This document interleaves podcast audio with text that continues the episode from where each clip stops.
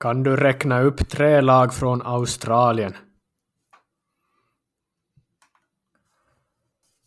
Ja, vilka ska man plocka då? Det var lite svårare än man skulle tänka det här nu märker jag, men Melbourne Victory har vi ju vad heter det, Adelaide United, någonting sånt och så ja, vad kan vi ha mer? Någonting från Sydney har vi ju nog. Vad har vi för lag från Sydney då? Sydney FC kanske? Ja, och hur högt håller du Raja Nainggolan?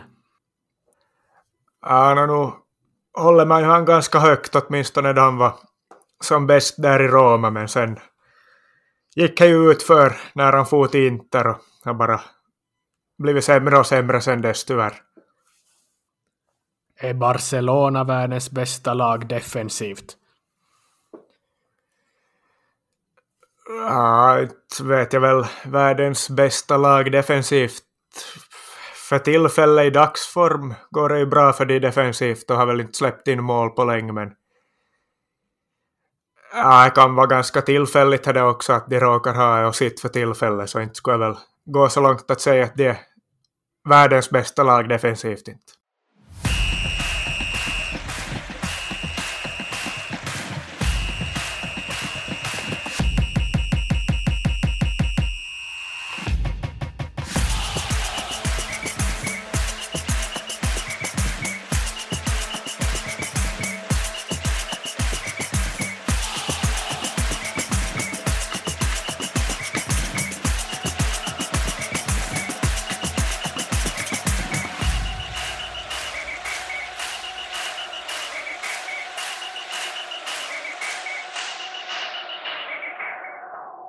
Nåja, välkomna till ett nytt program, eller ja, program tänkte jag säga. Eh, nytt avsnitt heter det väl. Jag är lite ur i huvudet jag har skrivit något ent här halva dagen så vi får se hur det här ska gå när man urar på här redan. Men ja, välkomna till ett nytt avsnitt.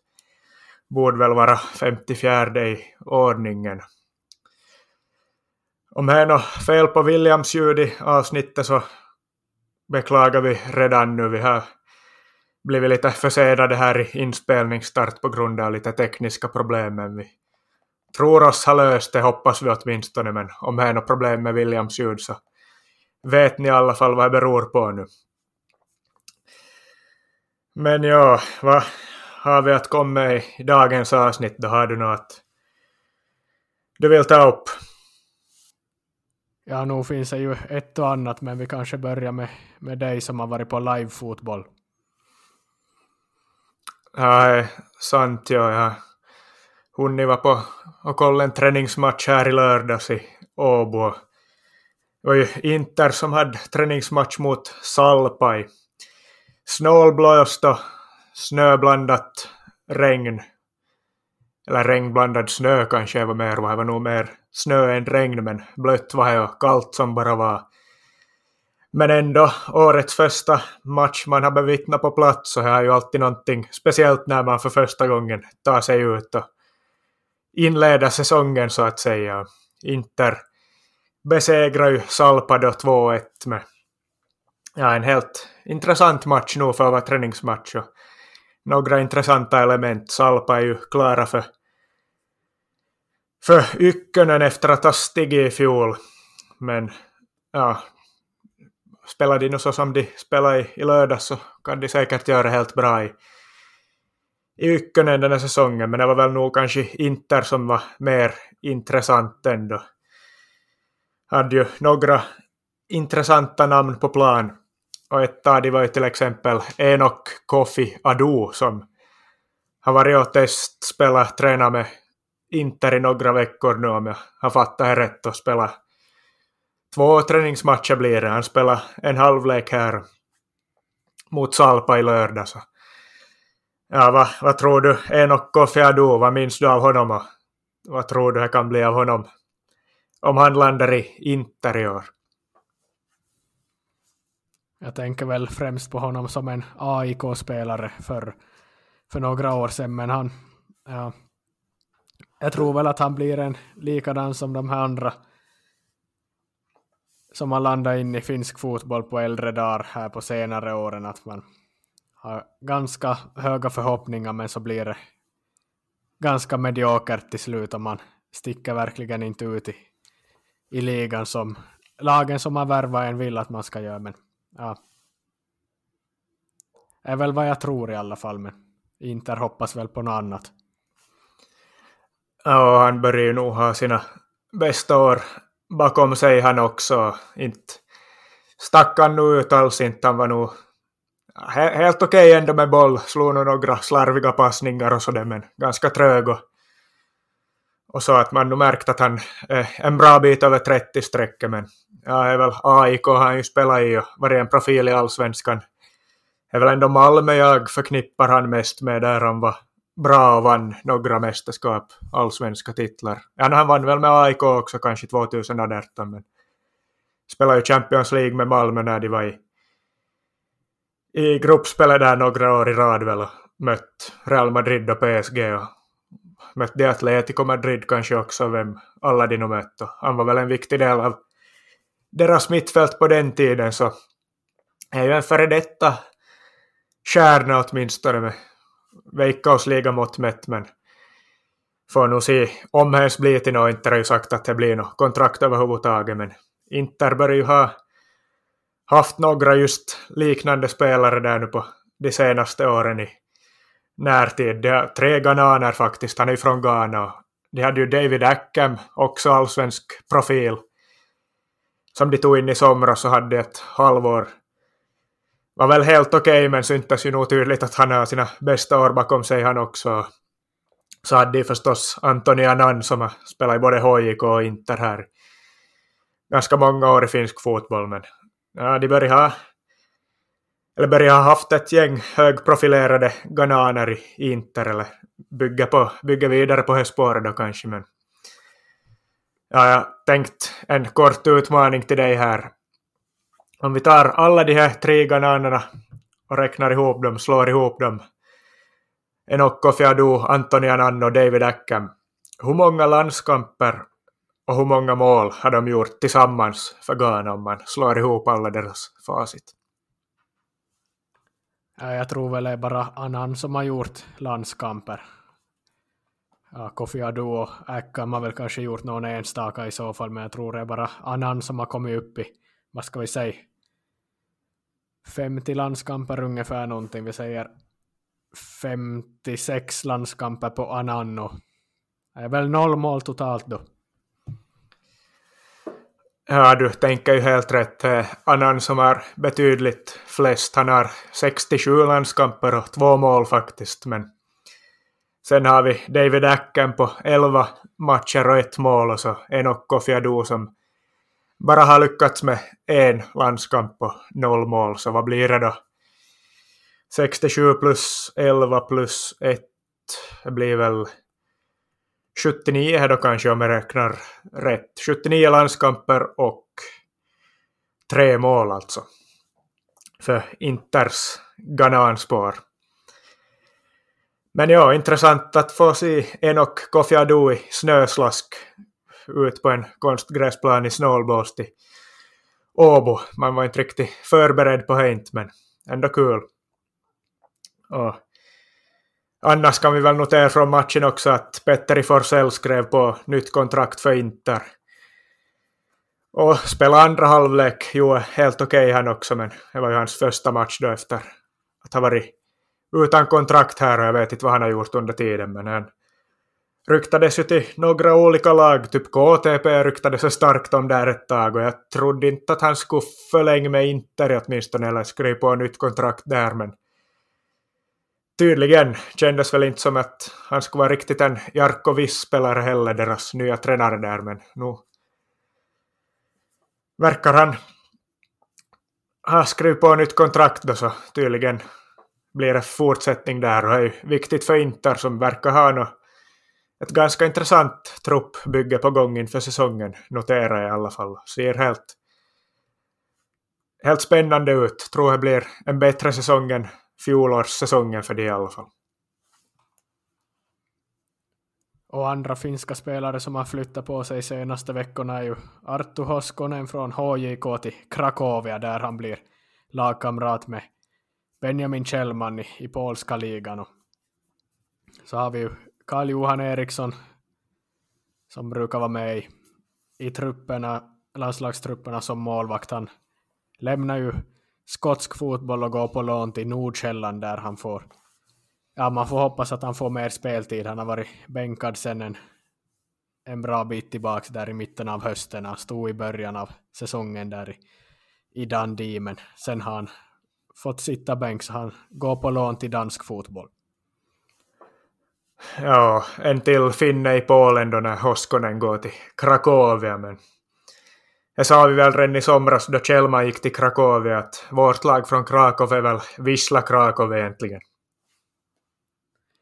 Och Wisla ligger faktiskt i, i mitten av andra ligan. Man ligger typ tionde i andra ligan med typ 13 poäng upp till, till första platsen. Så man, man åkte ur och, och man verkar inte komma tillbaka så snabbt fast man har Kuba Blatjukovski i laget. Det verkar nog vara en klubb som riktigt är nere i träsket nu.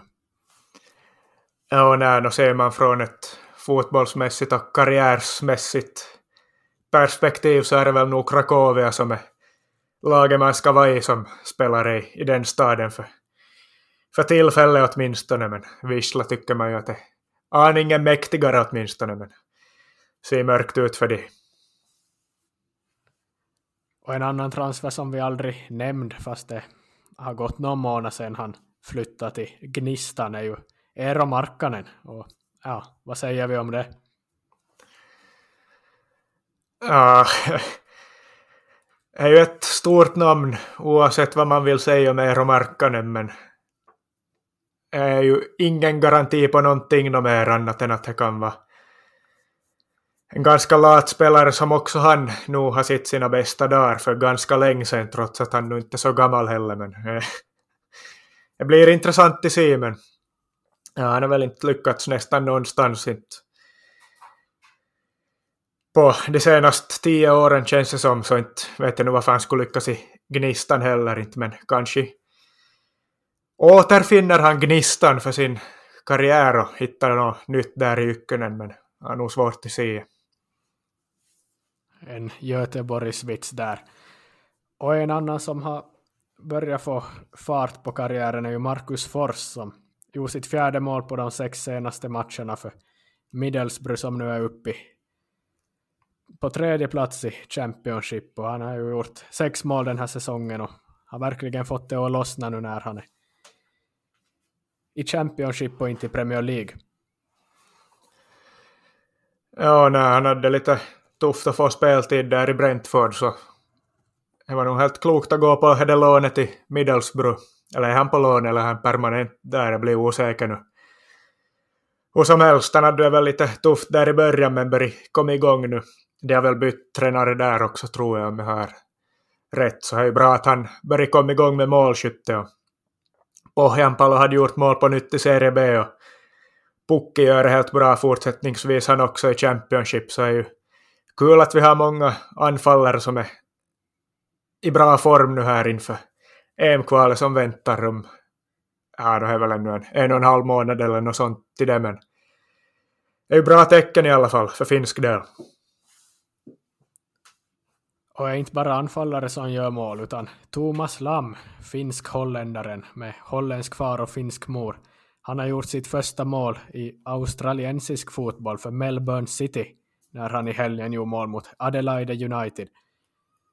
Och ja, han är ju kanske nog mer holländare än finländare fast han spelar i finska landslaget, men han spelar i Pek i Holland och CSKA Sofia här nu CSKA Sofia i Bulgarien innan han gick till australiensisk fotboll. Och Det är ju faktiskt en lite speciell flytt. Det är ju säkert helt trevligt att bo i Australien och med deras klimat och kultur där, men ja. Inte har vi ändå jättebra koll på australiensisk klubblagsfotboll. Nej, faktiskt inte. Man, jag trodde ju att man hade ändå någon slags koll, men när du ställde den här frågan i inledningssegmentet så hoxar ju på att jag har svårt att till och med räcka upp tre klubbar där i australiensiska ligan. Nu skulle man väl känna igen de flesta när man väl kommer igång och börjar kolla no, serietabeller eller sånt, men ja, inte har man jättebra koll när inte på australiensiska ligan. Inte. Jag sa att Alessandro Diamanti är där åtminstone i något australiensiskt lag och är kapten eller någonting sånt. Det är väl typ vad jag har snappat upp från australiensiska ligan på de senaste två, tre åren. Ja, och Daniel Staric var ju i Brisbane Roar för något år sedan också, men det är ju en del sådana spelare på äldre dagar som brukar gå dit, eller i alla fall en del som inte har gått till arabländerna eller Kina eller USA så har vissa gått till Australien. Vi har ju Del Piero har varit där och Luis Garcia, Ian Rush var till och med där en gång i tiden. Det är Sydney FC som har flest titlar, flest australiensiska mästerskap och fem segrar i, i australiensiska ligan och så har vi ju Perth Glory finns ju där och Melbourne Victory som du sa, men Melbourne City också då som Thomas Lam spelar i. Western United är regerande mästare för tillfället med John Aloisi, den gamla profilen som tränare där. Och, ja.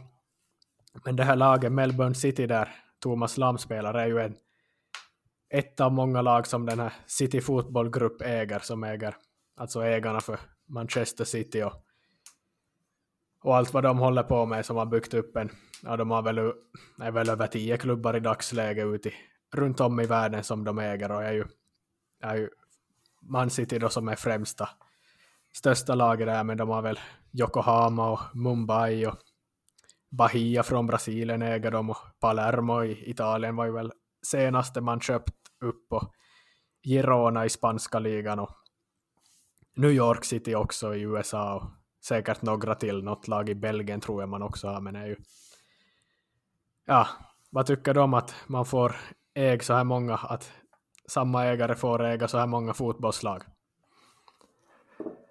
Ja, nu skulle man ju föredra att man max får äga en klubb åt gången nu, så inte är ju något positivt inställt till men är väl nog främst misstänker jag sett det här bara att skicka runt intäkter och bokföring och allt möjligt för att kunna för att City ska kunna kringgå det här financial fair play och alla möjliga reglement som finns. Eller, ja, finns ens några sådana mer kan man ju fråga sig, men det är väl nog mest någon sån bokföringstrick det här klubbarna tycker, för inte det är som så att någon från Melbourne City kommer spela för Manchester City, inte det är ju därför de har de här klubbarna inte så är ju nog av andra intressen. Jo, nej, och det finns ju faktiskt två finska spelare som har spelat i Australien före Thomas Lam och jag, jag tänker inte be dig gissa på dem för jag tror inte du skulle ta dem men du känner i alla fall till dem. Juha Mäkelä, tvåfaldig skyttekung i, i Veikkausliga med HJK, spelar i VPS också en säsong och gjort ett par landskamper och så har vi Alexander Kokko som öst in mål i Ropse en gång i tiden. Han har också varit i Australien i i Newcastle Jets. Mäkelä han var i, i Sydney FC.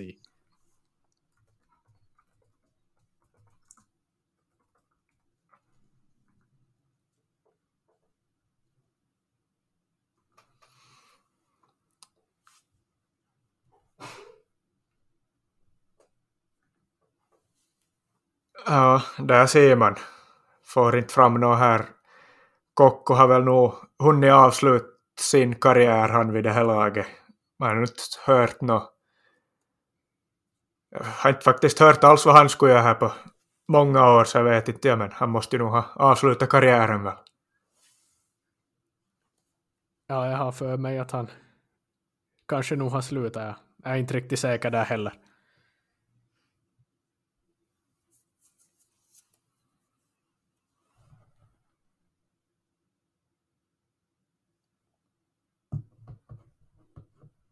Skulle niin på hade Jallu Rantanen och Anna mer med Finn.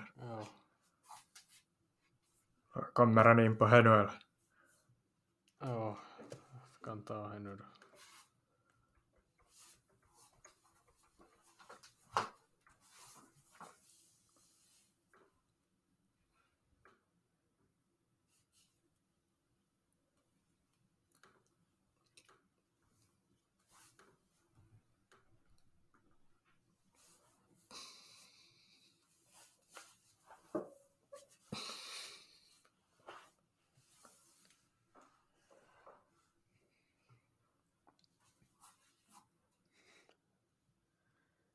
Ja, men innan vi går ut till internationell fotboll så tänkte jag ta upp ännu en grej gällande en finsk legendar, Jallu Rantanen. Han som gjorde mål mot England på Wembley i kvalet i VM 86. Ett klassiskt finskt mål.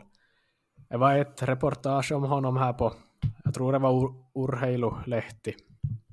Antingen är någon av de här stora kvällstidningarna. Så. Man blickar tillbaks till 1984 där han visar röven åt kameran och det blev en första sida på en tidning med hälsningen Terveiset tuomarille, hälsningar till domaren. Efter att domaren hade gett han rött kort för att han har svärt, han hade använt någon svordom på plan och blivit utvisad. Han drog tydligen ner röven och, och visade åt, åt någon fotograf att det här ska du lägga upp och hälsa åt, åt domarkåren. Och, ja, det var, jag hade inte hört om den här storyn för faktiskt innan jag, jag läste den här. Ja, vad tycker du själv? Är det är ganska pikt gjort eller vad?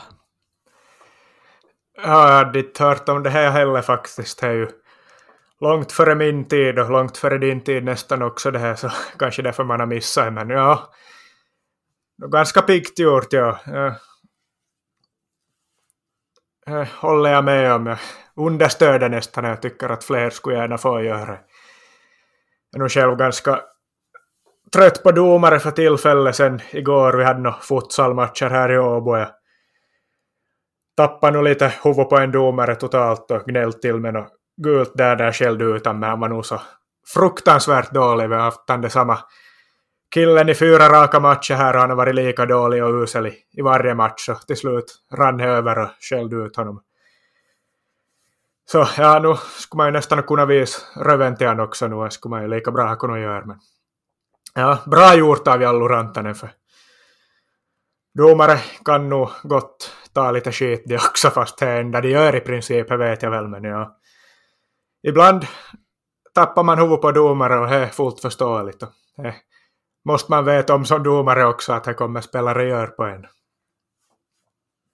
Ja, och i den här artikeln var det också fokus på Jallu Rantanens vikt. Han skulle gå ner ungefär en, ja, inte minns jag, 10-5 kilo till sommaren. Han höll på med, med stavgång för att, för att minska vikten. Han var väl lite i dålig form tyckte han. Och det var ett stort reportage om honom där han pratade om, om olika grejer, men den här första sidan i en tidning där han visar röven åt domaren, det var faktiskt en märkligt speciell grej. Ja, härlig, härligt initiativ av, av Rantanen, ja, men Kanske vi beger oss ut i stora världen då när vi har avhandlat Finland tillräckligt. Jag vet inte. Var ska vi börja? Du var fråga om Barcelonas försvar, bästa försvar i, i hela världen för tillfället. Och, ja, jag kollar snabbt genom tabellerna här, topp fem-ligorna i Europa och Barca har ju bara släppt in sex mål faktiskt. Det är ju minst av alla lag i, topp fem-ligorna i Europa så ja, kanske det faktiskt är så att de har det bästa försvaret i, i hela världen då för tillfället. Newcastle kanske säger emot, de har väl inte typ släppt in ett mål sen i november eller någonting sånt de heller men ja, jag hade inte tänkt på att Barca är så bra defensivt egentligen. Är ju, eller har ju inte varit något som har kännetecknat i de senaste åren. Att de skulle vara bra defensivt men Ja, nu verkar ju Xavi ha fått ordning på, på det också. Ser ju bra ut för det i serien nu. Real tappar poäng här i lördags var väl kryssa mot Real Valladolid var väl 0-0 tror jag. Barca vann så nu är det fem poäng där i toppen av La Liga. Ja, halva säsongen är väl spelad med 18 matcher eller någonting sånt, jag vet inte. Men oavsett så är 14 hållna nollor, 6 insläppta mål och 14 hållna nollor. Så om man har spelat, ja, vi säger 18 matcher så är ju bara, ja, ni kan ju räkna ut själva att det är inte så många matcher man har släppt in mål. 14 hållna nollor i ligan, det säger ganska mycket. Och är ju, som du sa, inte någonting man man tänker på när det kommer till Barca att man är jättestarka defensivt. Man var ju såklart jättebra defensivt även när man var jättebra offensivt här för, för tio år sedan. Men det var ju för att man var så bra offensivt så släppte man ju till mindre chanser. Men nu när man inte är på lika hög nivå som man var tidigare, men ändå bra defensivt, det är ju faktiskt märkligt. Och det har ju varit kaos där i Barcelona i flera år, men om Xavi kan, kan få att inte läcka bakåt så är det i alla fall ett, ett bra steg. Men dock är det ju lite kritik mot att man gör för lite mål. Lewandowski har väl gjort en, nästan hälften av lagets mål, i alla fall över en tredjedel under hela säsongen. Och många matcher har man ju vunnit 1-0 och det har varit som är ju bara en fast situation i baken så är det 1-1 i sådana matcher, men man har hållit, hållit undan ändå. Terstegen är ju en jättebra målvakt såklart, men men ja, många 1-0-vinster som skulle kunna vara med lite flax för andra laget skulle kunna bli poängtapp för Barca, men man vinner och vinner och vinner och håller nollan och är ju en styrka i sig och är, ska bli intressant att se om man håller ut för Real Madrid har ju ett betydligt mer rutinerat lag, även om de har en massa ungdomar i laget så alltså både Real Madrid och Atletico Madrid känns ju som mer rutinerade lag och det här unga Barca med främst Pedri och Gavi då som jag tänker på och Fati och, och backlinjen är ju inte lastgammal heller men att de är bara Busquets och Ter Stegen och, och Lewandowski och Alba som är de här veteranerna som men de har misslyckats i så många säsonger så är ska bli intressant att se om man lyckas hålla håll undan hela säsongen, men att håll nollan är ju i alla fall ett bra steg.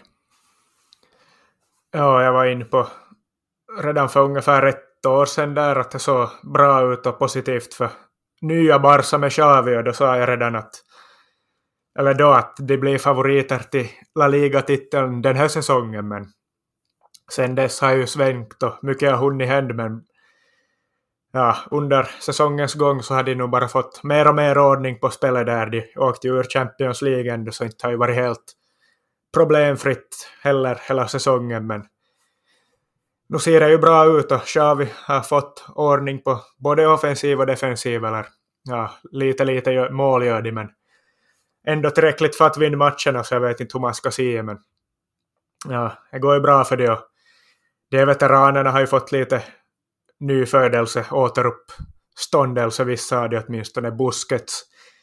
Han dominerar ju fullständigt här. Jag såg den här trötta supercupfinalen i spanska supercupfinalen för några veckor sedan, vad kan det vara, två veckor sedan mot Real och Busquets var ju bäst på planen där i Saudiarabien där de spelade.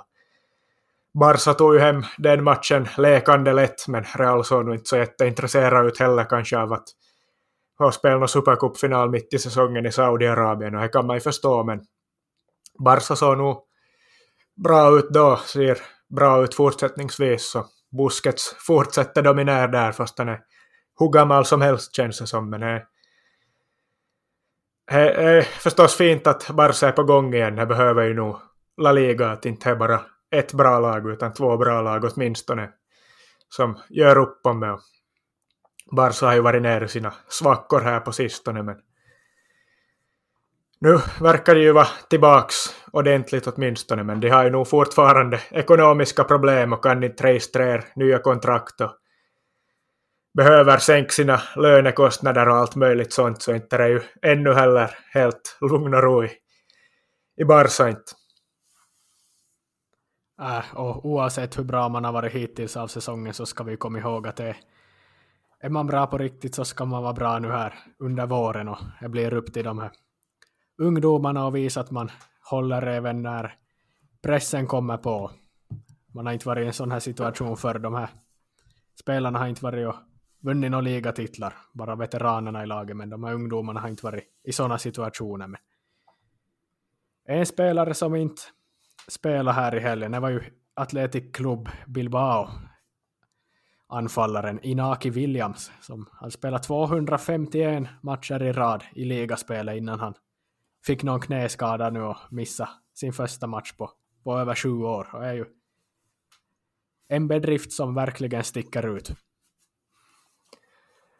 Ja, helt sjukt. Egentligen att man har spelat så många raka matcher är väl sen 2015-16 säsongen tror jag den är streken börja någon gång så att han har spelat varje match från typ 2016 framåt tills idag. Vi är 2023 så är ju nog säger ju allt man behöver veta att det är helt sjukt men ja, Inaki Williams man trodde ju att han skulle gå vidare från Athletic Club där någon gång kanske ungefär någon gång där då den här strejken började. Han var ju ung och lovande och jättebra där och visade att han har stor potential, men det är ju fint att han har lämnat kvar i Athletic Club då och blivit en så viktig spelare för dem att han spelar så här många matcher i rad istället för att han också ska gå till en stor klubb och börja tjäna mer pengar och allt möjligt sånt. Det är fint vad de håller på med där i Athletic Club och Inaki Williams. Ja, på tal om Athletic Club så såg jag en, en liten pojke i Botniahallen här utanför Vasa som hade en Aritz Aduris nummer 9 Athletic Club-tröja. Äh. Kul att se. Ah, tota ja, totalmäktigt ja. Det kan inte vara många i Finland som har Aduris-tröjor inte, men ja. Alltid kul när man så i vardagen stöter på några fotbollströjor eller vad som helst. Jag brukar se på gymmen här är mycket vad heter det, utbytesstuderanden här i Åbo så jag brukar stöta på en del fotbollströjor på gymmen. Det var nog senast kanske Werder Bremen. Men ja, här när jag gick hem för någon dag sedan såg jag någon som har hängt upp en Levante-flagga också i, i fönstret så att det väl, vad heter det, vetter utåt mot eller visar upp mot, mot gatan alla som går förbi att här bor minsann en Levante-anhängare och sånt. Ett par hamburghandskar såg man som liggde i ett dike här för några dagar sedan, jag vet inte varför någon hade kastat det i diket om det var någon som var förbannad på att Hamburg aldrig lyckas ta sig upp till Bundesliga mer. Eller vad det var, men hur som helst, det är ju alltid kul när man får inslag av fotboll i, i vardagen. Ja, och man blir ju alltid lika överraskad, men egentligen är det inte så överraskande för jättemånga utbytesstudenter som, som vill visa upp sina färger och, och är jättemånga tyskar i alla fall som går med sina fotbollströjor. Jag har sett Frankfurt och Stuttgart-tröjor och både i, i Umeå där jag bodde där och, och även här i Vasa, men det är ju alltid kul att, att se. Och, och ofta har de ju med sig sina stickers som de klistrar runt i, i gatubilden på lyktstolpar och på husväggar och garageportar och, och jättemycket Mönchengladbach på ett, ett och samma ställe i ett kvarter i Umeå. Det var ju han det ena utbytesstudenten som hade klistrat en hundratals stickers själv. Och jag minns jag träffade en Dortmund säsongskortsinnehavare på ståplatsen, alltså på Sudtribunen från Dortmund. Det är ju det leder ju verkligen in, in en i intressanta samtal när man träffar sådana utbytesstudenter eller folk från andra länder som, ja, som man kan prata fotboll med. Ja, här i Åbo är det på var och varannan lyktstolpe nästan Hansa Rostock limbilder, gamla svenskklubben. Så ja, det är ju nog alltid mäktigt när, när man ser sådana och när man kan komma in på något samtal med någon. Jag, men, jag talade med den här Bremen-tröjan som jag nämnde här tidigare och frågade han så ut faktiskt att vara peruano också eller någonting från de delarna av världen så jag frågade om han hejar på Bremen och tänkte att kanske han är någon Claudio Pizarro-fan den här typen, men äh, han var nog sen ändå, det var nog Bayern München-fan han var, men han hade fått en Werder Bremen-tröja någon gång i födelsedagspresent eller något, men det var synd att inte han hejar på Bremen, men ändå mäktigt med Bremen. Så en i fjol också minns jag en Charles de Ketelaere-tröja, Klubb Brygge, på ett av gymmen här som jag brukar vara på, så eh, då fick man upp ögonen för Charles de Ketelaere och nu spelar han i Milan, där det visserligen inte har gått så bra för men det är ju kul när man upptäcker saker och träffar de här typerna och sånt. Ja, nej, alltid lika intressant när man träffar folk från andra länder med andra fotbollsfärger.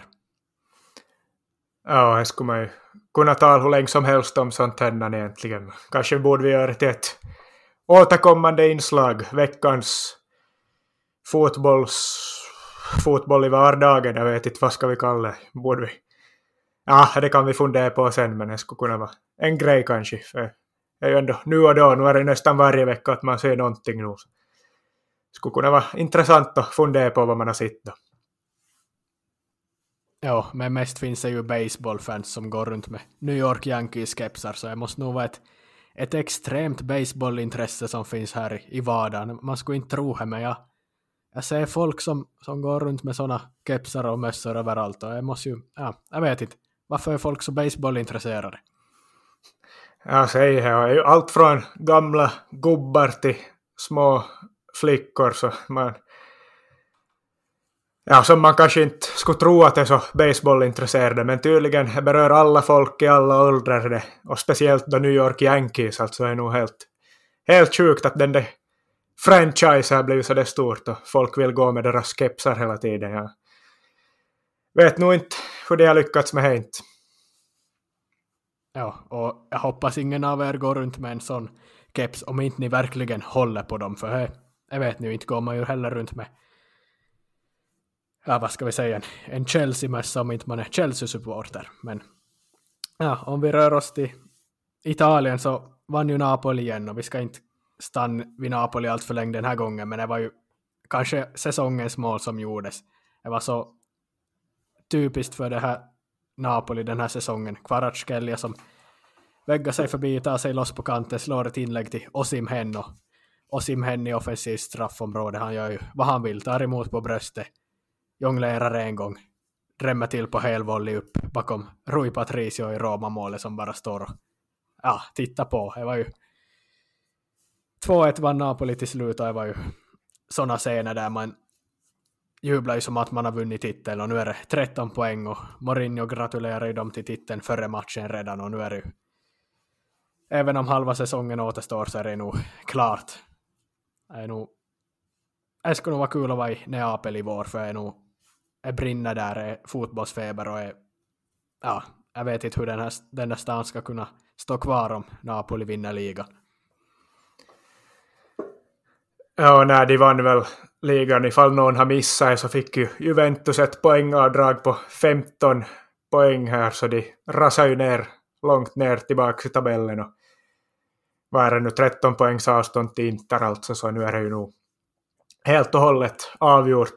De, alltså inte ens Napoli kan ju tappa härifrån inte så. Så ja, det skulle vara helt otroligt kul att vara i Napoli, i Neapel den här våren. Man skulle borde få på någon utbytesstudie dit eller någonting om man skulle ha chansen, men har väl tyvärr inte. Men, ja. Milan är katastrofalt dålig form också. Förlorar och förlorar och tappar poäng så är ju nog helt, helt och hållet klart nu alltså. Inte ens Napoli ska ju själva kunna sätta krokben för sig själva från att vinna den scudetton nu så.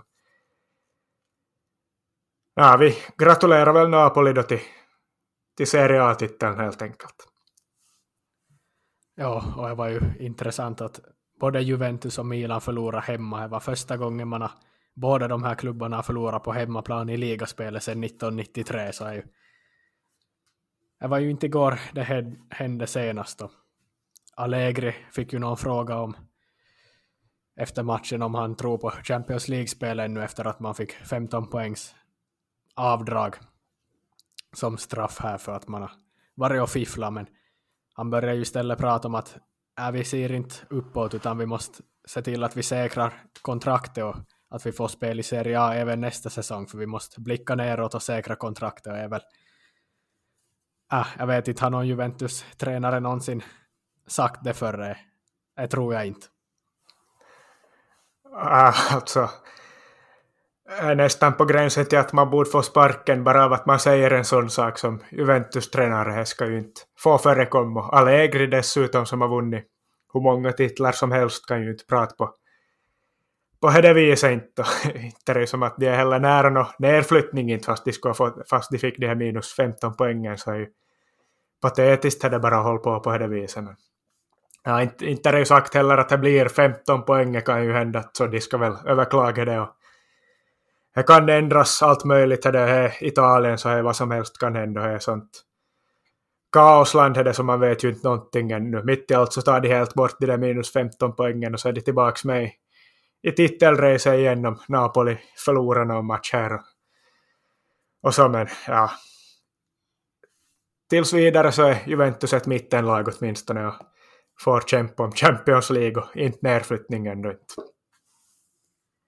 Och ännu mer kaos blir det i Italien, för Radja Nainggolan uppges ju vara på väg tillbaks till Italien. Faktiskt inte till Cagliari den här gången. Han ryktades ju nog dit. Han brukar ju ofta landa in i, i Cagliari på Sardinien, men nu ryktas det om att han är på väg till Spall, där Daniel, Daniele De Rossi, hans gamla lagkamrat, är, är tränare faktiskt. Och han hade väl, ja, han lämnade ju Cagliari och Italien här för några år sedan och gick tillbaka till Belgien och hemlandet där, Royal Antwerp, men han fick ju sparken där när han rökt på avbytarbänken här för någon, ja vad i höstas eller någon gång så. Han har väl varit kontraktslös igen nu och på väg till Spall tydligen. Ja, det lär väl inte bli något nå riktigt lyckat har man ju en känsla av. Det kan bli ganska kortvarigt också. Skulle man ju kunna tänka sig. Han är ju eller har en tendens att kunna sätta sig i trubbel här. Han är Nine Golani och ja, känner ju, eller känner och känner, jag lärde känna en gång i tiden en av hans närmaste kompisar faktiskt. När jag var på provspel i Holland med The Grafshop, det började väl vara en tre år sedan det här nu vid det här laget, men det var en belgisk, eller var han holländsk, han är väl nog holländsk den här typen, restaurangägare som hade öppnat en restaurang på Sardinien. Då Nain Golan kom dit som ung från, han kom väl från belgiska ligan tror jag, till, till Sardinien och Cagliari då, så gick han åt på den här restaurangen och blev de kompisar då han är restaurangägaren och Nainggolan. Sen dess har de varit bästisar. Ja, jag träffade ju när jag var åt på den här restaurangen han hade i, i Holland i i Dottinghem, någonting sånt hette den lilla, lilla stan dit han nu har flyttat sin restaurang alltså. Kommer du dit bara, han kommer fram till oss och frågar att hej, känner ni min kompis Radja? Så bara, Radja alltså? Radja vem? Radja, Nainggolan. Känner ni till honom? Ja, ja, nu känner vi till Radja Nainggolan såklart vi känner till honom nu ja. ja. Sen började han ju berätta alla möjliga historier om vad han har gjort med Radja Huh, hur tokig Nainggolan är. Kan ju säga som så att han är en, en kille som gillar att vara ute och partaja och gillar att umgås med damer och gärna många damer på en och samma gång också. Att han nu röker på avbytarbänken är nog inte en förvåning. Han röker väl lite vad som helst, lite när som helst. Och menar väl på att han spelar bättre när han är bakfull faktiskt, så är väl kanske därför han håller på partajer så mycket och ut och festar hela tiden. Menar på alltså att han spelar som bäst när han är bakfull, så är väl nog egentligen bara en ursäkt för honom att kunna få ut och festa när han vill, men he, menar han åtminstone så. Man kan ju kanske tänka sig att när han har spelat sina bästa matcher i Roma-tröjan eller belgiska landslag eller var som helst, så då har han varit bakfull alltså. Men, en intressant typ är det, Nangolan. Ja, och han har bara kommit upp i 30 landskamper så jag också. Det har väl att göra med att han alltid hamnar i bråk med tränarna och, och inte sköter sig. Ja, han hamnar väl nog i något bråk med Roberto Martinez där, var före VM 2018 kanske, och var det så att han kanske slutar helt i landslaget då också för att det inte kommer överens eller någonting sånt, men man minns ju att han sänkt Sverige åtminstone i EM 2016 i, i gruppspelet. Ja, när vi får hoppas att han kommer tillbaka till Italien. Det är väl inte någonting klart men det. Uppgavs vara väldigt nära Spalmen. det är ju deadline day här i, i veckan också, så det kommer ju vara massa olika spelare som kommer flytt på sig under transferfönstrets sista dag. Och, ja, det har ju hänt en del redan Kanske för lite tycker vissa på många håll, men Chelsea har väl värvat 351 spelare redan i januari, men är det någon annan som du Eller någon som sticker ut något rykte som du tror kan bli aktuellt eller som kan ske här i, i sista, sista sekunderna? Äh, det här är ju två sjuka rykten som är eller finns på gång åtminstone och ena gäller ju min favorit Nicolas Saniolo som han har gjort det klart att han vill inte spela för Roma mer, att han vill lämna klubben. Problemet är ju att han har ju faktiskt varit ganska så usel hela säsongen och jag minns nu inte helt ärligt när han senast skulle ha varit bra över en längre tid. Det är väl därför är det de två korsbandsskadorna. Men stor profil, stort namn. Många tror ännu att han ska bli nästa världsstjärna. Jag kanske, eller många och många, kanske jag är enda som tror ännu mer. Men ryktas ju om att Milan skulle vara intresserad av honom, men bara till ett visst pris. Och det priset är ju för lågt eftersom att Bournemouth verkar ska ha budat mer på honom och har i nuläget övertaget där att eller verkar i alla fall kunna konkurrera ut Milan på om Saniolo för att de erbjuder mer pengar och kan erbjuda mer pengar och det är ju sjukt att en liten klubb som Bournemouth kan buda ut Milan i en budgivning om en spelare säger ju mycket om hur fel och skevt det har blivit med Premier Leagues dominans mot alla andra ligor men ja, tänk om Nicolas Saniolo skulle hamna i Bournemouth, vad säger du då? Nej, bara rätt åt honom och hoppas de åker ur till Championship då. Ja, det är ju det som är troliga dessutom, för de är väl på nedflyttningsplats. Borde väl vara i Premier League åtminstone, åtminstone där tävlar om de där sista platserna med. Ja. Nu skulle jag vara sorgligt och sjukt om Saniola skulle hamna i Bournemouth nu.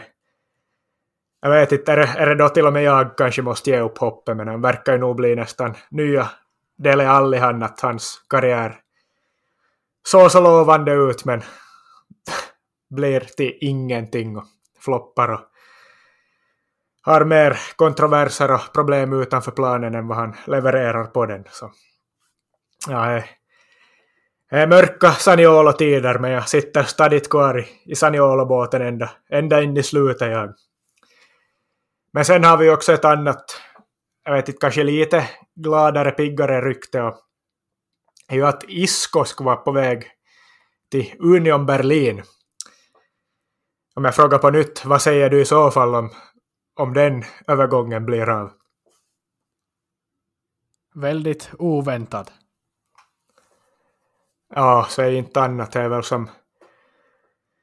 Känns väl som att inte Isco riktigt är kompatibel att spela i, i Union Berlin. Det är väl som raka motsatserna till varandra i, i fotbollsvärlden på något sätt. En gammal Galactico Real-stjärna som ska in i ett hårt jobbande Union Berlin, folkets lag där alla är lika mycket värda och kämpar för laget och för klubben och allt sånt. Så att Isko ska komma dit som någon diva och stjärna. Det känns ju nästan för, för overkligt för att vara sant, men det ryktas faktiskt vara hyfsat nära och Isko hade varit och kommenterat på något Union Berlin inlägg på Instagram och allt möjligt så det, det skulle ju faktiskt vara helt sjukt och Union Berlin fortsätter ju göra överraskande bra. Det är väl andra i Bundesliga tror jag för tillfället så vem vet vad han skulle kunna åstadkomma där men det känns ju nog som att det, att det är för stora motsatser för att det ska kunna lyckas. Ja, man vann ju derby mot Hertha i helgen och ångar ju på mot Champions League-platser. Men ja, återstår att se vad som händer på deadline day. Det händer alltid någonting, större eller mindre. Men jag tänkte jag skulle ännu rätt mig själv från, inte förra avsnittet, för då hade vi ett nytt avsnitt om dina juniorlandskamper, men jag har för mig att det var två veckor sedan då som vi pratade om spelande tränare och Vincent Companys assisterande i Anderlet, Craig Bellamy, som jag... Ja, jag, jag pratade om att jag inte såg Bellamy som en framtida tränare och, och funderat att ja, han var ju faktiskt i andelet med kompani, men sen trodde jag att ja, han har väl tacka för sig och gör ingenting i dagsläget. Men han är ju faktiskt i, i Burnley som assisterande tränare till kompani igen då. Så kompani tar med sig Bellamy vart han än far. Så han är ju faktiskt med i matchen fortfarande. Craig Bellamy som assisterande tränare i, i Burnley nu för tiden som så många på upp mot Premier League. Ja. Huvudtränare tror jag dock han aldrig kommer bli, men vem vet?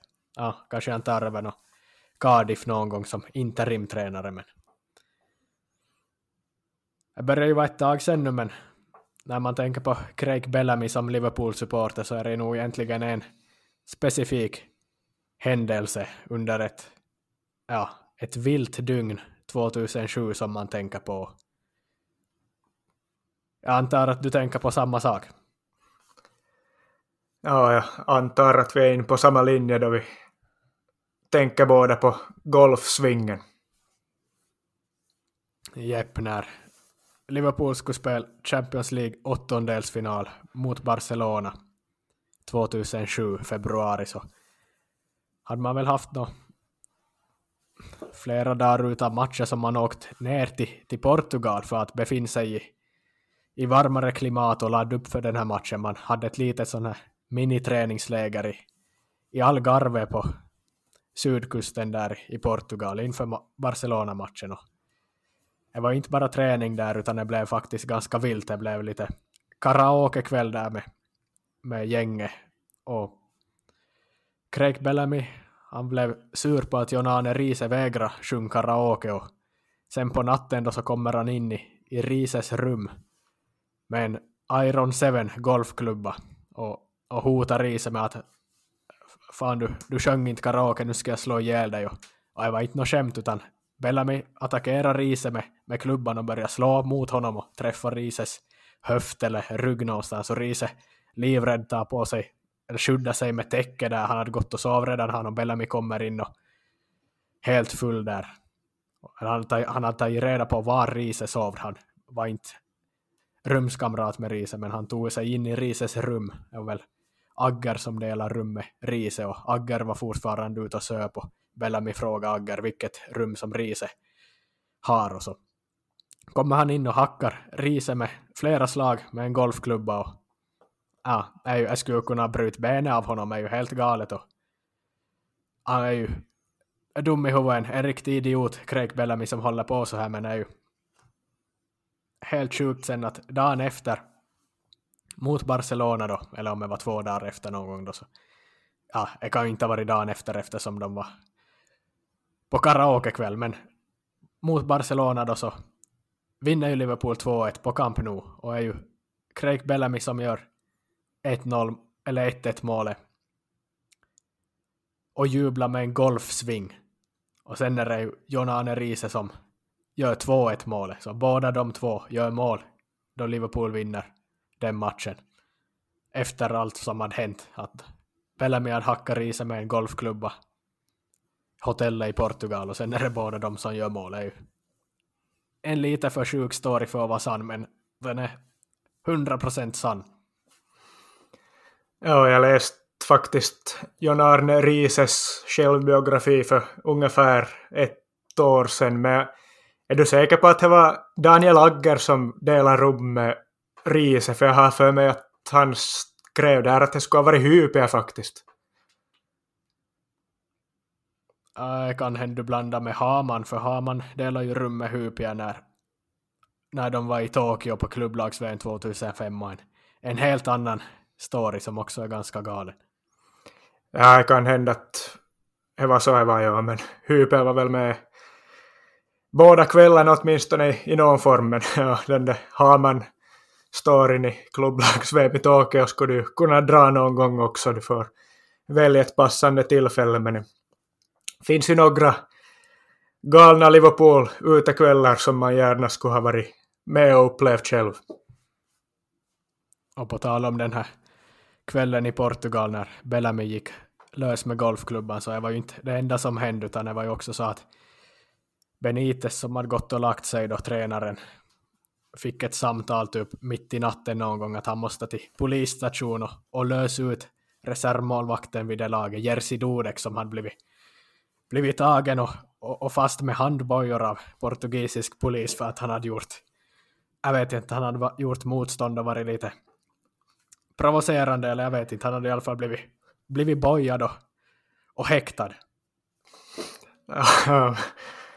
Vilken kväll det var, men, men det var ju lugnt som en viss Ingemar Andersson skulle påstå.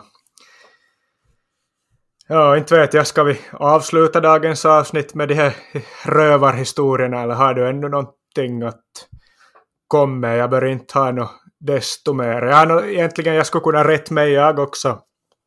Eller rätt oss, vi var ju och påstod att majoriteten av Liverpool-anhängarna verkar vara för att Liverpool skulle få qatariska ägare, men det verkar ju nog lite som att vi har missbedömt Twitter där egentligen. Är väl för att vi har kollat på en massa Twitter-omröstningar och sånt och ja, det är väl i princip största delen som vill ha qatariska ägare eller många av dem är väl typ utländska tonåringar som nu inte egentligen vet så mycket om Liverpool och vad Liverpool är och bara hittar ett lag som spelar bra och fastnar för dem där men inte egentligen vet något om vad klubben står för och vad klubben är. Men ja, det är väl mer sådana folk som har Twitter egentligen och eh, gör sig hörda på Twitter så man kan lätt falla i fällan där och tro att majoriteten av Liverpool-anhängarna kanske vill ha katariska ägare men så behöver nödvändigtvis inte vara fallet i alla fall. Det har ju kommit lite delade uppgifter om det. Vi rapporterar ju att det skulle vara nästan klart där, eller att vi hade hört att det skulle vara nästan klart att det blir katariska ägare, men nu har jag ja, de senaste veckorna har kommit både ja och nej från olika håll, så vi får nog bara se vart allt hamnar. Jag är fortfarande starkt emot att det skulle bli katariska ägare, men ja, så är det med den saken. Ja, nej, det var väl bara 90 procent av, av de som hade röstat i någon tråd i sociala medier, inte var det något mer än, än så, men på internet så, så är det ju, höjs i alla fall röster, för där kan vem som helst skriva, men ja, vi får väl vara nöjda för idag. Ja, som jag sa då senast att jag förlorar hellre mot Brighton 3-0 varje vecka än att ha katariska ägare. Nu förlorar vi mot Brighton igår igen i FA-cupen där vi åkte ur alltså. Tungt går, eh, ett steg framåt och två steg bakåt hela, hela tiden här, den här säsongens melodi för Liverpool. Eh, tunga tider för tillfället, laget otroligt skört känns det som på något sätt. Allt går åt helvete men ja, vi får väl avsluta dagens avsnitt ja, som sagt så. Tack för att ni har lyssnat så säger vi på återhörande.